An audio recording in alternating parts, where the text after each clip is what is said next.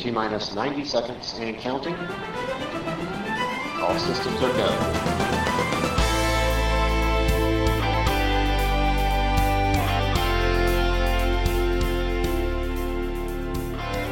Hallo, leuk dat je luistert. Dit is Save the Earth, de podcast. Mijn naam is Lenny Tamerus. In elke aflevering ontmoet ik een van de mensen rondom de theatershow Save the Earth. Ik ga op zoek naar hun motivatie, hun ideeën en naar de mooie verhalen achter de show. We hebben altijd de, de huisjongsten, noemen we die. Dus de, de mensen die het kortste wonen, die moeten het afval wegbrengen. Dit is de laatste podcast, een extraatje. Ik heb namelijk iedereen die meewerkte aan deze podcastserie gevraagd hoe duurzaam ze zelf eigenlijk leven. Misschien wel een terechte vraag. Nou, ik gooi bijvoorbeeld nooit mijn kachel weg op de straat. dat sowieso. Oh, we scheiden afval. Mm, wat doen we nog meer?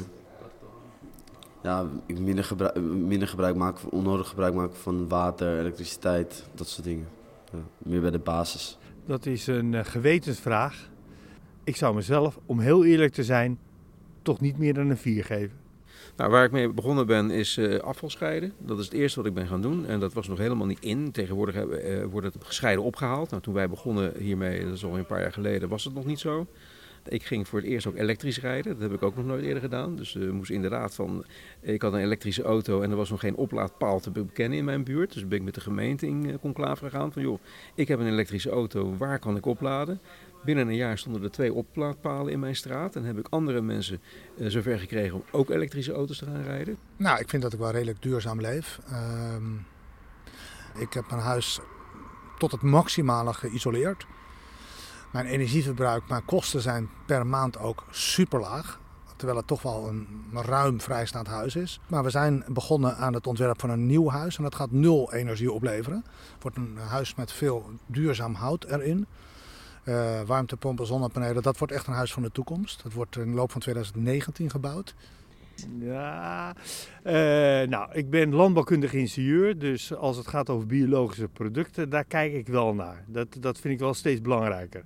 Ik moet ook zeggen dat het me irriteert als ik kijk in de supermarkt van waar overal plastic omheen zit. Dus daar kijk ik ook nog wel steeds meer naar. Dat ik niet producten koop waar steeds weer dat plasticje omheen zit. Als ik kijk thuis naar het scheiden van eh, afval, dan doe ik dat matig.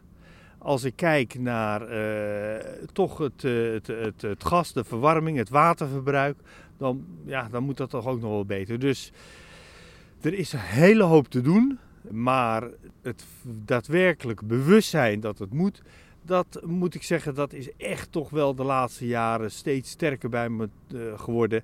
En met dit project wat we nu als Lions doen, kan ik alleen maar zeggen dat er geen weg meer terug is en dat ik hier zeker mee doorga. En dat heeft ook te maken met de teksten die ik gelezen heb, dat je, dat je, dat je dat je met hele kleine dingen al veranderingen kan brengen.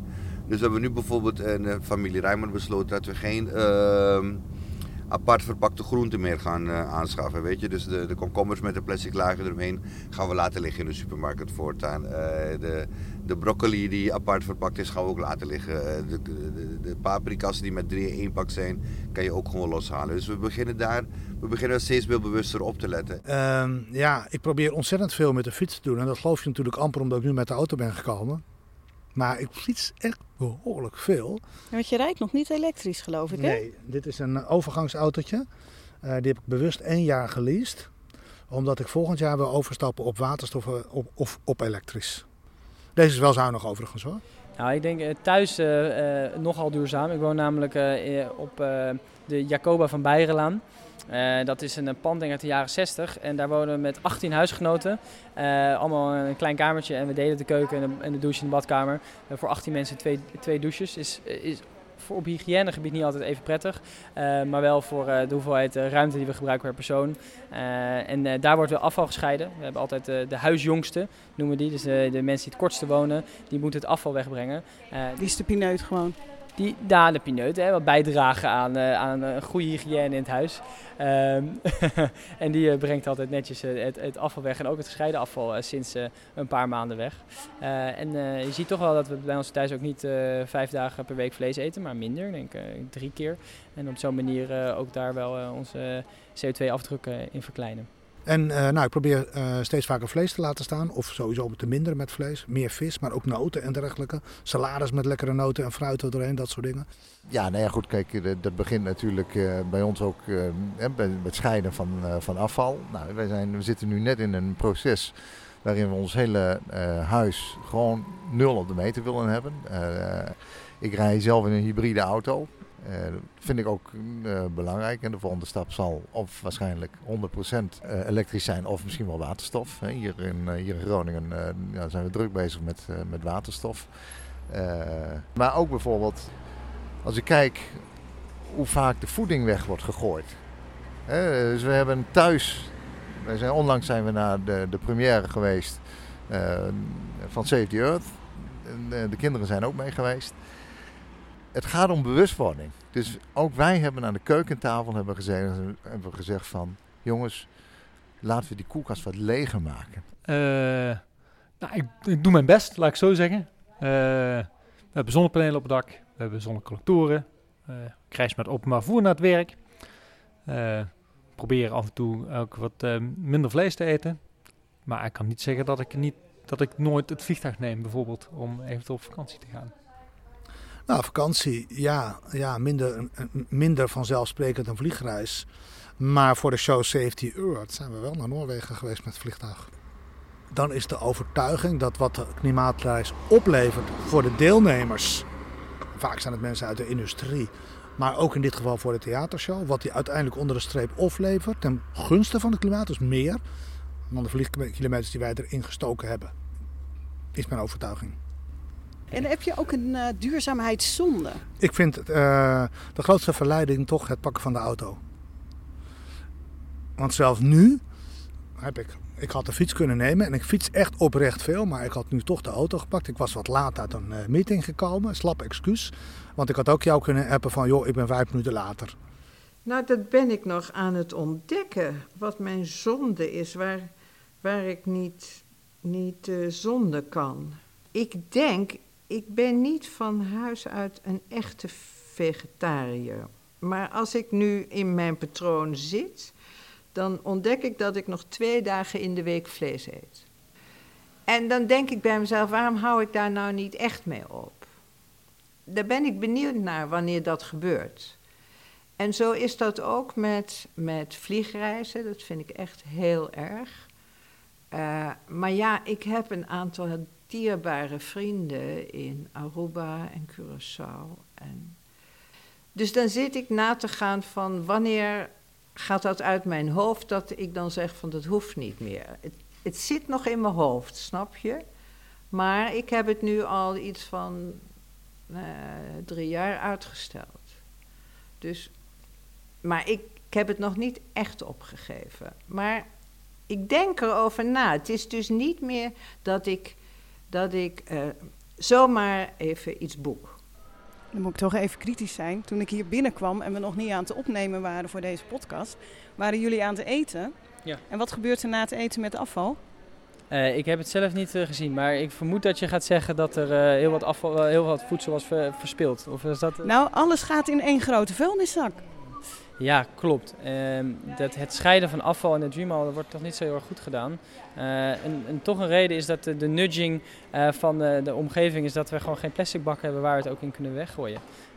Oh, wat een slecht argument, die kun je toch regelen? Zeker, we zijn studenten en we kunnen het regelen, dus ja, touché.